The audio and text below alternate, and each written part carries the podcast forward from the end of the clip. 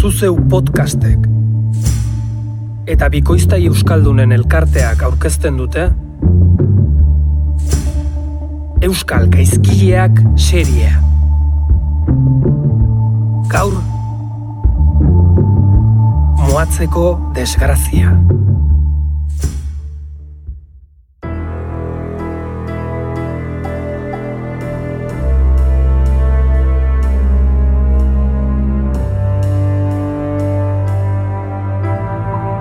Mila sortzireun talaro geita mazazpigarren urtean, idiproba galanta antolatu da aiako festetan. Sandonatu egunez, abuztuaren lauan. Ikusmira handia dago herritarren artean. Lehia bizian eta antzeko mailan baitaude, etxeta baila, eta kurpide auzuetako idipare sendoenak. Euskalduna beti izan da apustu zale amorratua, eta jendea erruzari da sosak jokatzen, baten alde edo bestearen aurka. Oietako bata Jose Francisco Tejeria, muatz baserriko semea. Jose ez da nabarmentzen ingurukoen gandik aparteko ezertan. Eguneroko baserriko lanetan eta noizpenkako erromeri edo festartean igarotzen du bizia. Susmatu ere egin gabe, bera. Etorra diona, Marisol. Zein eta bera. Iltzailetzat jo ahalko lukeenik inork. I, Jose, ez altzai gehitxo iruditzen eun txakur handi jokatzea pustu bakarrean. Edo zeinek elikek asmatuko muatzekoak maizterrak zaretenik. Arra joa. Ea ulertzen duan, pello. Dirua jokatzea duk sortearen esku jartzea. Patuaren menpe, ze gertatuko den jakin gabe. Eta nik bazakiat kurpidekoek irabazi behar diela. Beira, beira, orain ere aurretik ziotzek. Hmm, oso segur ikuste hau nik. Seguru egi. Basurdea dastatzen ari aize izatu baino lehen. Eman, eman! Venga, venga, venga, eurra! Ez! Ze, ze, ze gertatu duk? Idi puta hori! Zergatik ez du muitzen idi puta hori! Mugitu zakaben dio! Uf, etxe eta baiakoak aurretik, Jose. Ostia! Ema jokakuioakin indartsuago! Indartsuago, demonio! Ai ama, ai ama, ai ama, ai ama, ai ama, ai ama. Kitxo, kitxo, kitxo, kitxo! Tontuan hauk, tontuan hauk! Artaburua, kalamitate kompletua. Zesan behatzi bat niko Andreari. Eta aitari. Ai, Jose, Jose. Ikasiko alduk egunen batean. Joko ez duk errenta! Giro beroa behar da garia jasotzeko. Ebakitze eta jotze lanak eguzki berotan egin behar dira. Bestela ezitasunak ezpaidio aleari lortzen uzten. Hori delata, garia ebaki, metatu eta jo egiten da egun gutxien buruan. Lan hori guztia auzolanean egiten da. Eta gaur, inguruko baserrietako jendea muatzera hurbildu da Joseren baserrira. Josek beltz egin du lan azken astean. Idiprobetan sortutako zorra kitatzeko asmoz. Baina puska eder bat geratzen zaio oraindik.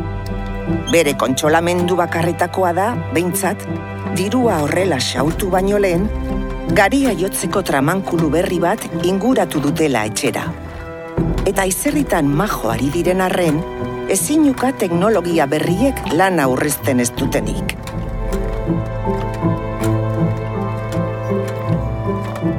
Haze asmakizuna motor honena. Kolpeka ibiltzea baino alde derrekoa duk begira egotea ardo zatoarekin. Bai, arrazoi du kortan. Ez da aita, Bai, baina aldi berean tristea ere baduk. tristea. Zergatik? Lehen makina gutxiago eta beso gehiago zeudelako. Orain pesetero eta giristino puta hoiek foruak endu zizkigutenetik. Mutil gazte gutxiago zeudek lanerako. Hainbeste txoltauska, hainbeste gerra, eta hainbeste kakazar. Arrazoidik Sabino Arana horrek Euskaldunen aberria Euskadi duk. Ta hor konpon, asko txola zaidak niri zakristo dagoen kuban, gero hemen gizon gazteak falta badituk lanerako. Ta gainera geratu direnen artean inutile ugari. Eh, Jose? Bai, isilika hona di, hobeto agota horrela. Bueno, mutil gazte gutxiago egoteak ere badizkik bere alde honak. Abai? Zeintzuk? Neska gazte mordoa daudela aukeran, eta ni honenarekin ezkondu nauk. Marisol, etorri! Zer duzu? Lan gehiegi egiten ari zarela. Xeri, xeri hemen apur bat itzaletan gurekin. Jende auzolanean gure etxera etorrita zu potroz gora? Ni eseriko naiz bai, itzaletan, eta segizazuzuk eguzkitara, gibela hundia lakoa. Ez duzuta kolpe zorririk joa maiketako tikona. Hone, Jose, honek jarriko hau behar duan tokian. Ea egia den. Eharra badiat eta...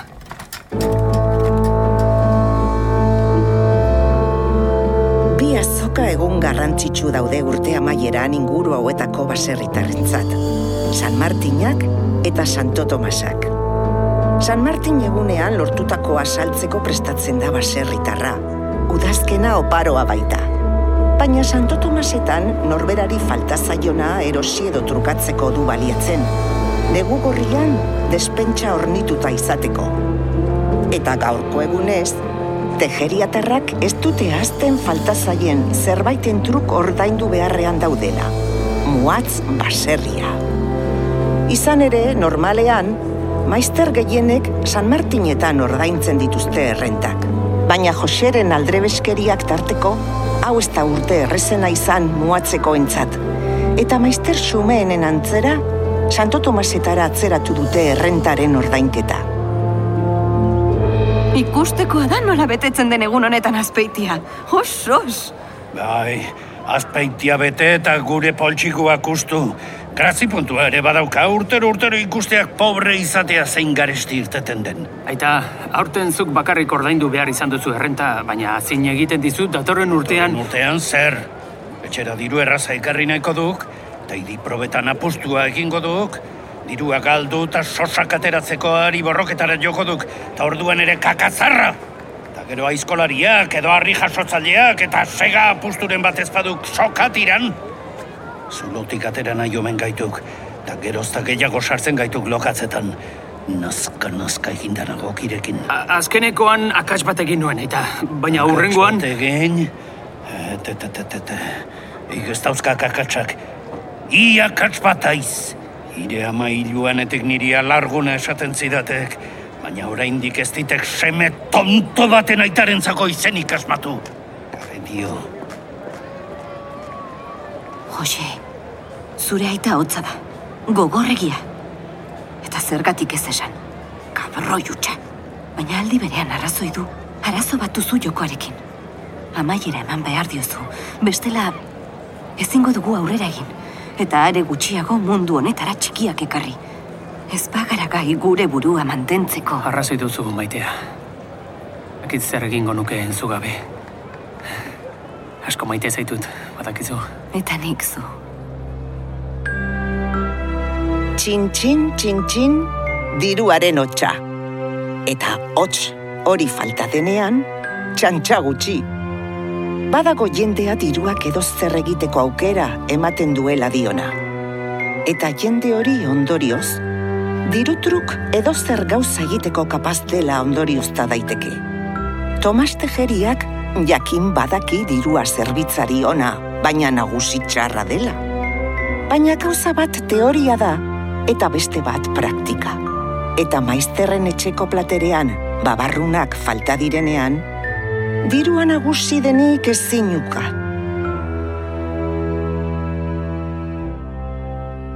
Gabuela hostia, noiz pagatu behar dizkidak zorra kalamidade horrek. Usta duk eta ez diat sentimorik ikusi. Urte erdi baino gehiago da, ez dudala apusturik egiten aita. Eta lanean ari naiz jotazu, badakizuzuk hori.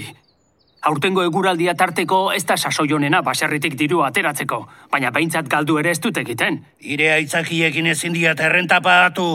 Iretzako urte hau hilala bizikoa duk, zirte edo zartxe egin behar diat. Behin bakarrik esango diat eta izan zakarbi. San Migueletarako tartea ematen diat zorrak itatzeko. Ordurako espadidak ordaindu. Urrengo egunean kalera zoazte bai eta bai ire Andrea. Enteitu aldirak? Baina bila betean ezin... Enteitu aldirak? Ukuiluan dago Jose goizean goizetik, behiak jetzi eta jetzi. Lasai dabil eguneroko martxan, pentsatu ere egin gabe, egun berriak ezer berezirik ekarriko dionik. Jose! Jose! Non zaude? Hemen txe! Orantxe ari nintzen, behiak jezten. Etzen nuen bako salduko dagoenekoz? Nahi baduzu orantxe eramango dizut esne pixka bat. Ez, ez dut gozalduko. Gau txar xamarra pasadut. Eta hori? Ba, tripak nahastuta nituen eta botak aritu naiz. Zerbait txarra jantzen nuen atzo? Ez ez. Eta gainera, sekulako mina dut titieten. Baina, ze kristo, kolperen bat hartu duzu ala? Ba ez, Eta zergatik daukazu irriparre aurpegi hori, porru eginda bazaude. ez altzaizu arrazoirik okurritzen kaiku alako. Eh, eh, ez dakit ba? Beste pista bat eman beharko dizut ba? Ez zaitilekoa jaitsi? Duela hiru aste jaitsi behar zitzaidan, eta ez zait jaitsi. Eta orduan... Jangoikoa. Jesus, Maria eta Jose. Azkenean, ume bat. Zurea eta nirea bakarrik izango den zerbait. Gure txikia. Maixol, neska bada, maite deituko diogu. Nire amazena bezala. Ados. Muatzeko maite. Bai, Maite bai, Jose. Baina muatzekoa izango alda. Azkar iragaten da denbora, eta hurbil dago berriz ere gari garaia. Muatzekoak inguruko baserrietara hurbildu beharko dira lanera, eta ingurukoak muatzera. Jose mendigainetara igo da bazkalondoren, pelio lagunari jatekoak igotzera. Eta arratsalde erdirako auzolanera jaitsiko da. Lagun ona da pello. Josek ez du beste inorekin konpartitzen, pellorekin konpartitzen duena. Egoera ekonomikoa, ume baten esperoan dela, zer moduz daraman jokoarekin sentitzen zuena, mesede egin dio Joseri pello bisitatzeak, bai horixe. Bitartean, Tomas eta Marisol etxean geratu dira beste lan batzuk egiten. Marisol ganbaran dago tresneria prestatzen, eskuekin igitaia zorrosten, baina burua sabelean dauka, bere sabelean. Bere sabel barruan azten ari den bizi berri horretan. Zorionekoa izango alda, behin hortik atera eta gero. Baixol, horrelao. Bai, Jaitxea dibera tarte batean, baratzeko zati bati buelta eman behar zionagu. Negurako azak sartzeko prontozago ongiroa. ederki. Honekin amaituko dinatida batean eta jaitsiko nau.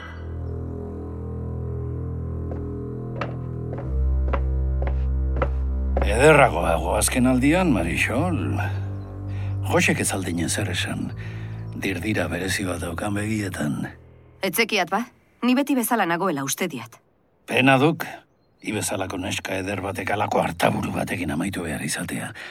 Izango ituen, eskon gehi gehiago, Ba bai, banizkinan. Eta haien guztien artean nire semea aukeratu nian. Hala nahi nialako eta kitxo. Eta ik ez ezak muturra sartu behar ezen tokian. Ez zuen apustu hona egin. Bere familiari aterpe bat ere eskaini ezin dion gizona, eh, ez dun gizon. Zati behiratzen didan harridura aurpegi horrekin. Ez aldin kontatu panorama berria, ez du narritzekoa, olio guzti horrek nahiago izaten din gauzak beretzat gordetzea. Irailaren amaiera arte duzue ire senar joko zalearen zorra pagatzeko. Bestela, etxetik botago zaituztet. Ba, oso ondo iruditzen zaidak. Egin ezak nahi duana. Baratzera jaitsiko gaituk? Ez, oraindik ez. Ai, ni kogei urte gutxiago izan banizkinean, ez genian pareja txarra egingo iketonik, eh? Zer dio? Eta Kontatu aitzala. Marisol, Tomas, ez da ikutu ere! Utikan! Pentsazan, Marisol, nire seme tonto horrek espazidak errenta dirutan pagatzen, agian nik ordaindu aldidan, beste moduren batean, eh? Nazkagarria! Nahiago dinat basoan hotzezil! Alde! Alde! Te, iso, lasaitu ahi, eh? Horrela errazago izan. Ta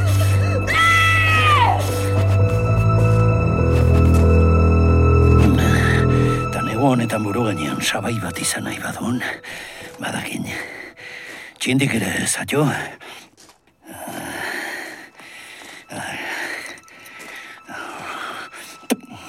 Egin zan nik baratzeko lana. Ni ere garia biltzera joango naunda.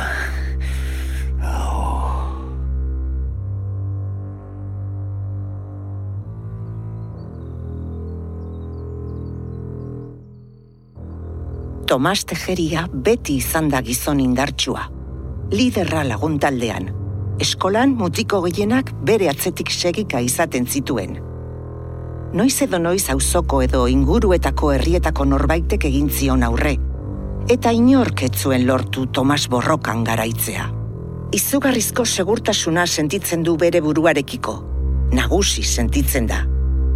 Inork ez dio zer egin behar duen esaten. Bera da aginduak ematen dituena. Eta horrelako pertsona bati, bere kontzientziak ere, ez dioa hotxa altxatzen. Kontzientziak gutxi dauka, eta beldurra gutxiago. Horregatik, gari jasotzera bidean dela Joserekin gurutzatu denean, Tomasen aurpegiak ez dauka ezberdintasun handirik gozal ondoren zeukanarekin.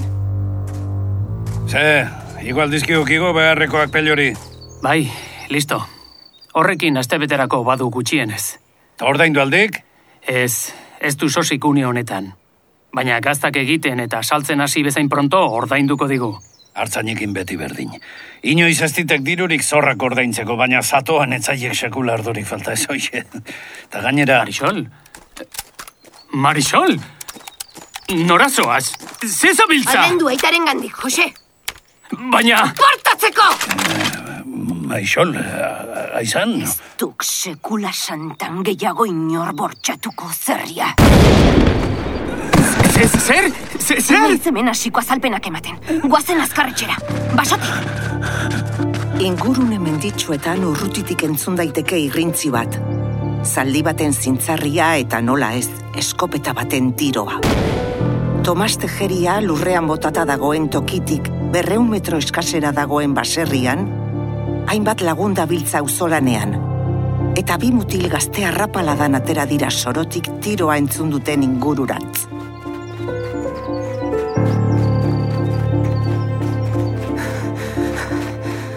Tiro bat izan duk, ezta? Bai, seguru. Hi, ikusi alduk gizon bat zuaitz artean sartzen. Bai, niri ere iruditu zaidak. Ostia! Muatzeko Tomas duketa! Tomas! Tomas! Oraindik badik arnasa, bizirik zegok. Tomas! Bizirik bai, baina azken atxa emateko etzaizu bat ere falta, Tomas. Zertan ari zara pentsatzen? Da muote zara? Baina ez zaude damututa egin duzunaren gatik. Egin duzunak ekarri dizkizun ondorioen gatik baizik ez da? Zaizu asko geratzen. Zer egingo luke tiro bat jaso eta hilzorian den norbaitek. Logikoa den bezala, bere hiltzailea salatu. Baina horretarako ere gizon txosamarra zara, e, Tomas. Lotxa ematen aldizu aitortzeak, emakume batek hilduela muatzeko gizonko telerdena. Tomas, nork egin dik tiro. Esan, Semea galdu nau. Semea galdu nau.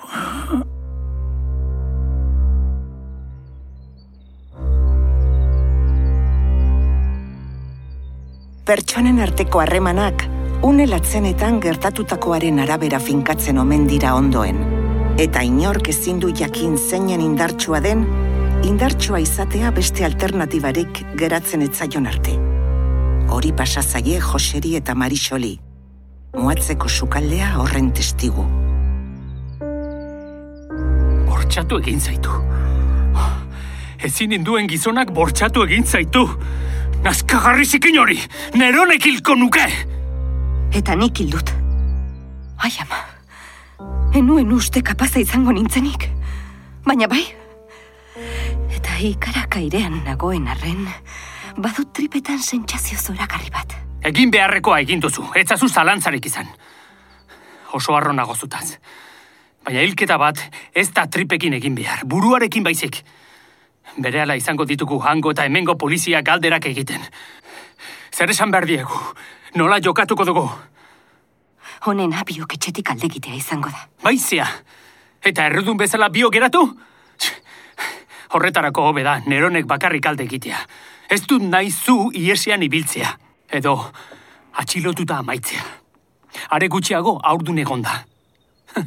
zu preso, ume bat barruan daukazula, ez da pentsatu ere. Bai, bai, hori egingo dut. Donostiara joango naiz itziarren ostatura, Sebastopolera. Itziar lehengusina da amaren aldetik. Hemen inguruan, en nau inork ikusi egun pare batean, ia en naiz baserritik atera ere egin. Aitak, peiok eta zuk bakarrik ikusi nauzue. Donostira joango naiz bai. Eta nire bila datozenean, esango diet bi egun eramatzala kapitalean. Eta horrela nire burua babestuko dut. Eta inork ez du zure gaineko susmorik izango. Ez duzulako alde egin. Eta gainera aurdun zaudela esango dukulako. Zeiru itzen zaizu. Joko arriskutsua da, eta apustu altuegia. Zuri ez zaizkizu apustuak oso ondo ateratzen, Jose. Eta zer egin dezakegu? Biok hemen gelditzen bagara, harrapatuko gaituzte handik edo hemendik. Ez dakit nire ideia onena den. Zu badaukazu beste proposamenik. Ez? Orain bertan ez? Eta esaten duzunak, badu zentzu pixka bat. Listo. Azkar jokatu behar dugu. Polizia badator, esan duela bi egun joan nintzela donostira hainbat errekadu egitera. Eta abisatu pelori bada espada. Galdetzen badiote ez dezan esan gaur berarekin izan naizela bordan. Petatea egin eta banoa. Gaua aprobetsatuko dut. Guretzat eta umearentzat etorkizun bat izateko modu onena izango da. Hemen etxe bat eta bizi duin bat izango ditu. Oso arro nago zutaz, Maixol. Oso arro. Eta asko maite zaitut. Eta nik zu. Zaindu zaitez, mesedez. Eta honik itzuli. Guardia zibilak, txapelokerrak, edo Marixolen amona joanak esango lukeen bezala, burguseko espata dantzariak. Berrogeita mar urte eskaz daramatzate munduan, zer eta nafar batek sortu zituelako. Aumadako dukea, liberal peseter hori. Hango eta hemengo grebetan egurra lodi banatzen dutela entzuten da. Eta ez dutela aparteko arazorik edonoren aurka tiroz jotzeko. Haiek egindako hilketak ikertu ez, eta besteek egiten dituztenekin sautzen dute denbora, oraingoan muatz baserri parean. Teniente, Esan, emazteak aldekatu dugu, eta esan digunaren arabera ez du senarra ikusi azken bi egunetan. Donostiara joan adela errekadu batzuk ekitera. Herrian galdezka ibili gara. Eta batek baino gehiago esan digu hildakoaren semeak arazoak zeuzkala jokoarekin.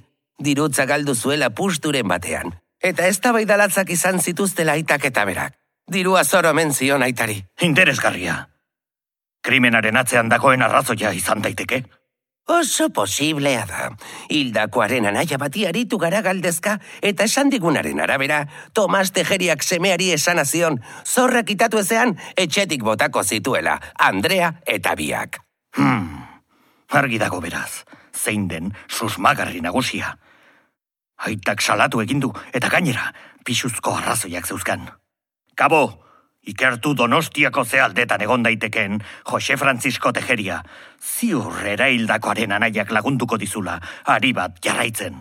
Eta azkarri bili, bidasoa zeharkatzea otutzen bazaio, espaituku eta zereginik izango. Bai, teniente! Eta zuek denok, enteratu zeintzuk diren Joseren lagun minak.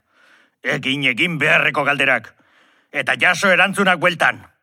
Tipo hori lagundu dezaken edonoren inguruko informazioa nahi dut. Venga, bixi! Bai, teniente! Urruti dago Sebastopoliria, itxaso beltzaren alboan. Eta luzea. Sebastopolirira joatea bezain luzea egintzaio Joseri, muatzetik Donostiako Sebastopol ostaturainoko bidea.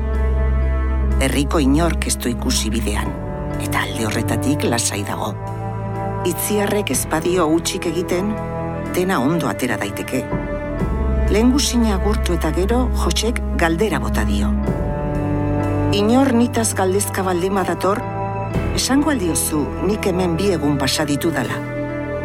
Eta honela erantzun dio itziarrek.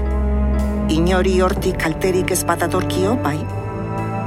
Itzoiek trukatuta, logelara igo da. Eta izarak izarrak iruditu zaizkio, hainbeste ordutan begirik bildu gabe egonta gero. Zeinen losakon eta goxoan zauden Jose. Guardia Zibil! Lurrera, lurrera! Eskuak herriaren atzean! Gezurti honak badaki, iruzur finena gako bat falta zaion egia dela. Josek badaki, azpeitiko epaitegian izatera doan elkarrizketa hilala bizikoa izango dela beretzat. Eta ezin duela ezan kasartu, ez kontraesanetan erori. Gezurra autodefentsa sistema simpleena da. Eta Jose prest dago bere bizitza, Marisolena eta bere oinordekoarena jota fuego babesteko. Errugabea zarela diozu orduan. Bai jauna, sekula santan enuke nire aita hilko, inondik inora. Nire akatsak dauzkat, jauna. Baina hamar mandamenduak betetzen dituen kristau zintzo bat besteriken naiz. Lurra landu, eta familia bat sortu nahi duen gizon xume bat. Besterik ez, Amar mandabenduak ondo ezagutzen dituzu orduan. bai jauna. Zein da laugarrena? Aita eta ama ohoratuko dituzu. Zortzigarrena? E, ez duzu testigantza faltsurik egingo, ez eta gezurrik esango ere. Ederki? Eta bosgarrena? Ez duzu erailko. Oso ondo, oso ondo. Ederki dakizu teoria. Baina noski, hitzetik ekintzetara, bada aldea, ezta? Ea, heldi ezaiogun zortzigarren mandamenduari. Ez duzu testigantza faltsurik egingo. Ez eta gezurrik esango ere. Teniente, sar daitezela lekukoak. Pello arregi eta itziar etxe beste. Joseri bihotzak buelta eman dio laguna ikusitakoan. Laguna edo lagunaren gandik gelditzen dena. Bi guardia zibilen artean eraman behar izan dute banketara. Ezin baitu zutik egon. Aurpegia ubelduraz josita dauka. Begiak gorri-gorriak, puztuta. Eta ez du begira da lurretik kentzen. Gizon oso bat ezerezean uzten du torturak, eta uste zindartxuena dena makurrarazi. Pello gizajoa. Itziar, aldiz, etxeko pareta baino zuriago dator. Egunetan lo egin ez duenaren itxurarekin. Mamu bat ikusi zan balu bezala. Eta ura ere lurrera begira. Zer egin dizute zuri itziar? Pello arregi, hartzaina. Jose Francisco Tejeriaren laguna. Ea, Pello, konta iguzu. Bordan zauden bitartean, ezingo zara herrira jeitsi eta ardia bakarrik utzi, ezta? Ez? E, ez jauna. Ez, jauna. Eta begira iezadazu izketan ari naizen bitartean. Beraz, norbaitek igo behar dizkizu janari, tresna eta bestelako beharrezko gauzak. Bai, jauna. Tomas Tejeria hil zuten egunean, norbaitek igo altzizkizun gauza guzti hoiek. Nork. Berriz galdetuko dut. Nork igo zizun janari abordara Tomas Tejeria hil zuten egunean. Josek. Altuago eta izen abizenekin. Jose Francisco Tejeriak. Mila esker, honekin listo. Eraman ezazue. Itziar etxe beste, Bai, jauna.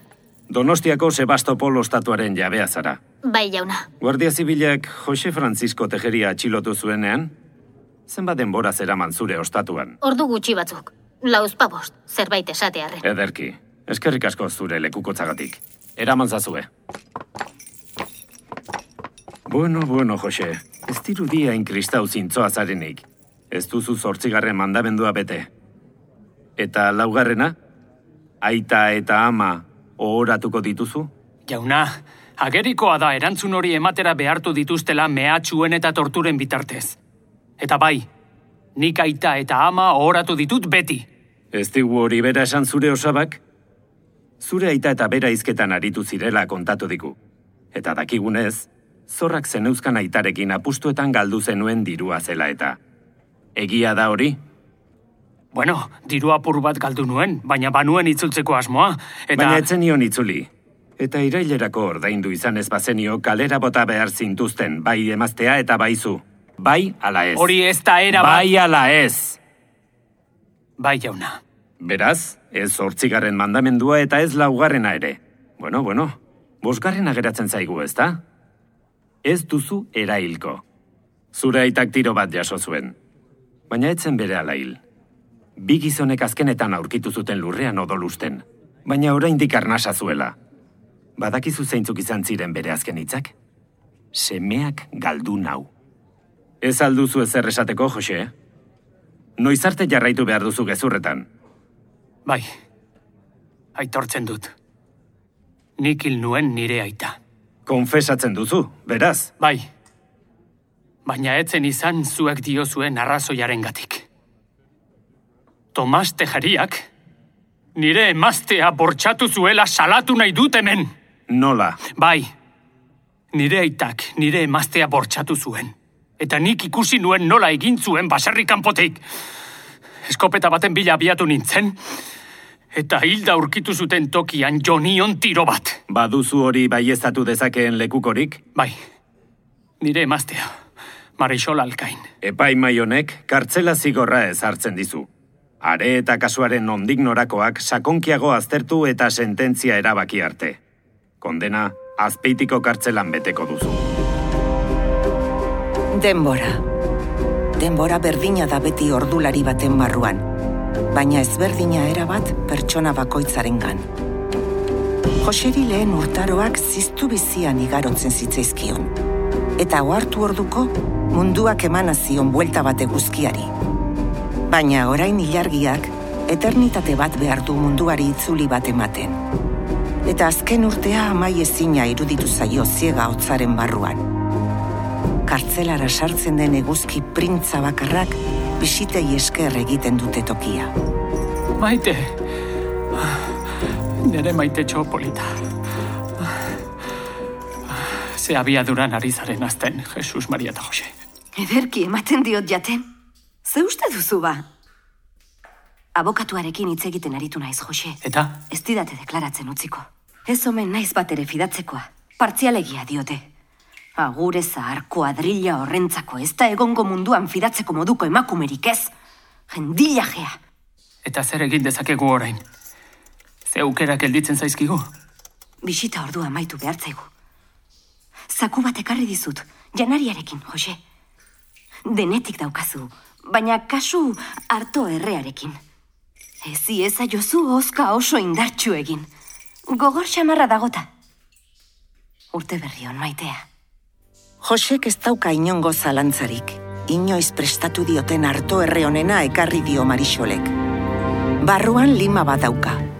Eta paper zati bat onako ohartxoarekin. Gaur gaueko amaiketan pelio izango duzu zain loiola aldera dagoen bide gurutzean zuretzako zaldi batekin. Maite zaitut.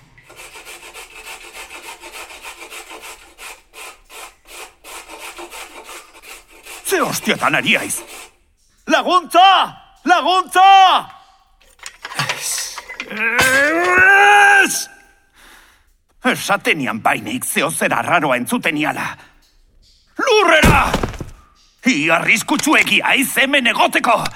Bihar goizean goiz donostiako kartzelara oa, alua!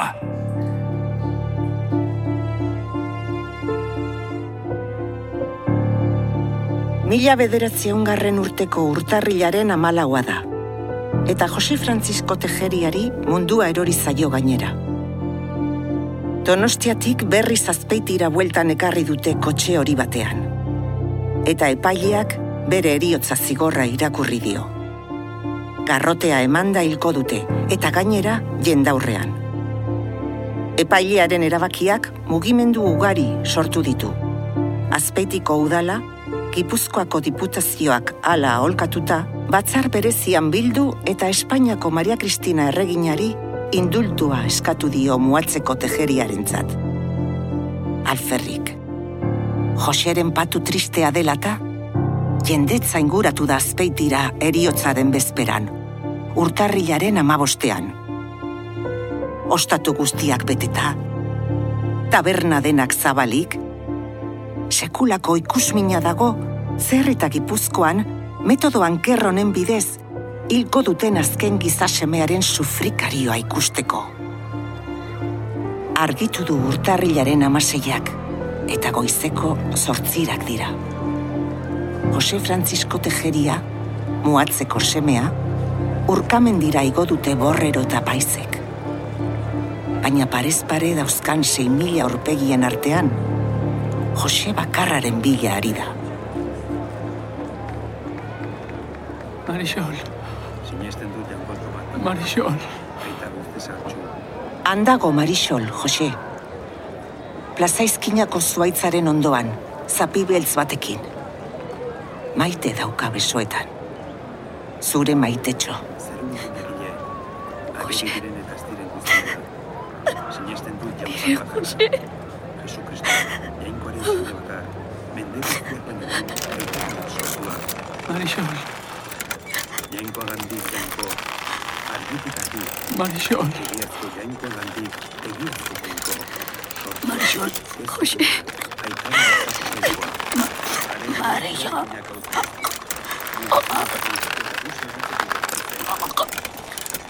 Marisol. Marisol, Marisol.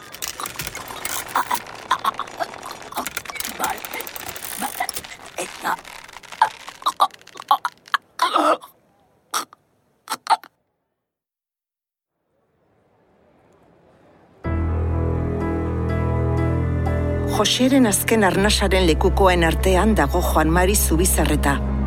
Azkoitiko etxe berritxo baserrian jaiotako bertsolaria. Seguraski ez kasualitatez. Bertsolariak beti izan baitira haien garaien kantari. Eta eskatuta alaborondatez, etxe berritxo bertan dago, ondoren bertso paperak idazteko asmo garbiz. Urrengo azoka egunean azpeitira joan da etxe berritxo bere bi semeekin, Ricardo eta Antonio. Bertso paper bakoitza txakur handi baten truk saltzen dute. Ai, etxe berritxo. Ez aldakizu egiaren eta gezurraren artean, lau behatzeko distantzia dagoela. Belarritik begietara dagoena alegia. Entzun dituzunak entzun beharrean benetan gertatu zena ikusi izan bazenu, nola aldatuko ziren gaur daino gugana iritsi diren zure bertsoiek.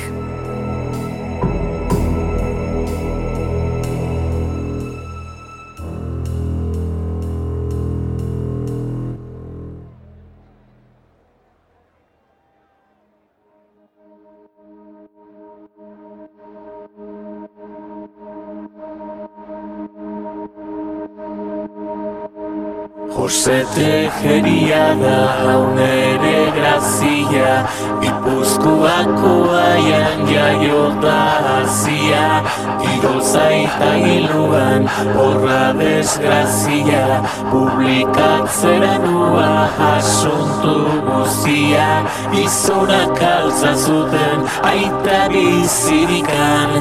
Oizeniak galdu nau berak esanikan Gurasoak entzuan esan gezurrekan Gorputza hildan ima Joan mundutekan Aitak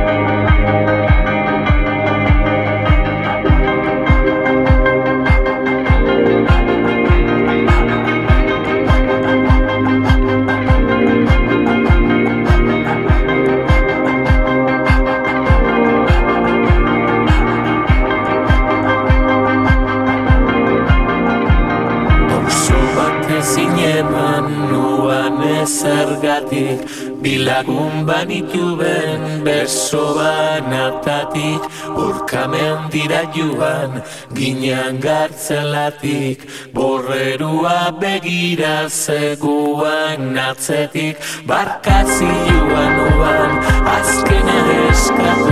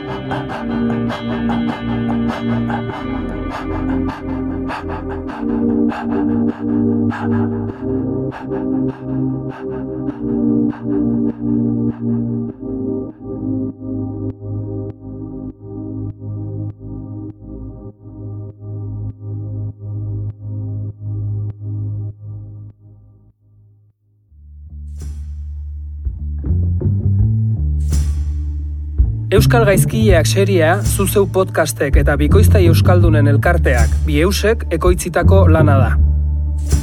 Lantalde handia dago atzean. Zuzendaritza eta gidoia, Peñat Jatxenbarek. Soinu eta musika diseinua, Inigo Etxarri, In Estudioa. Bikoizketa zuzendaria, Xavier Alkiza.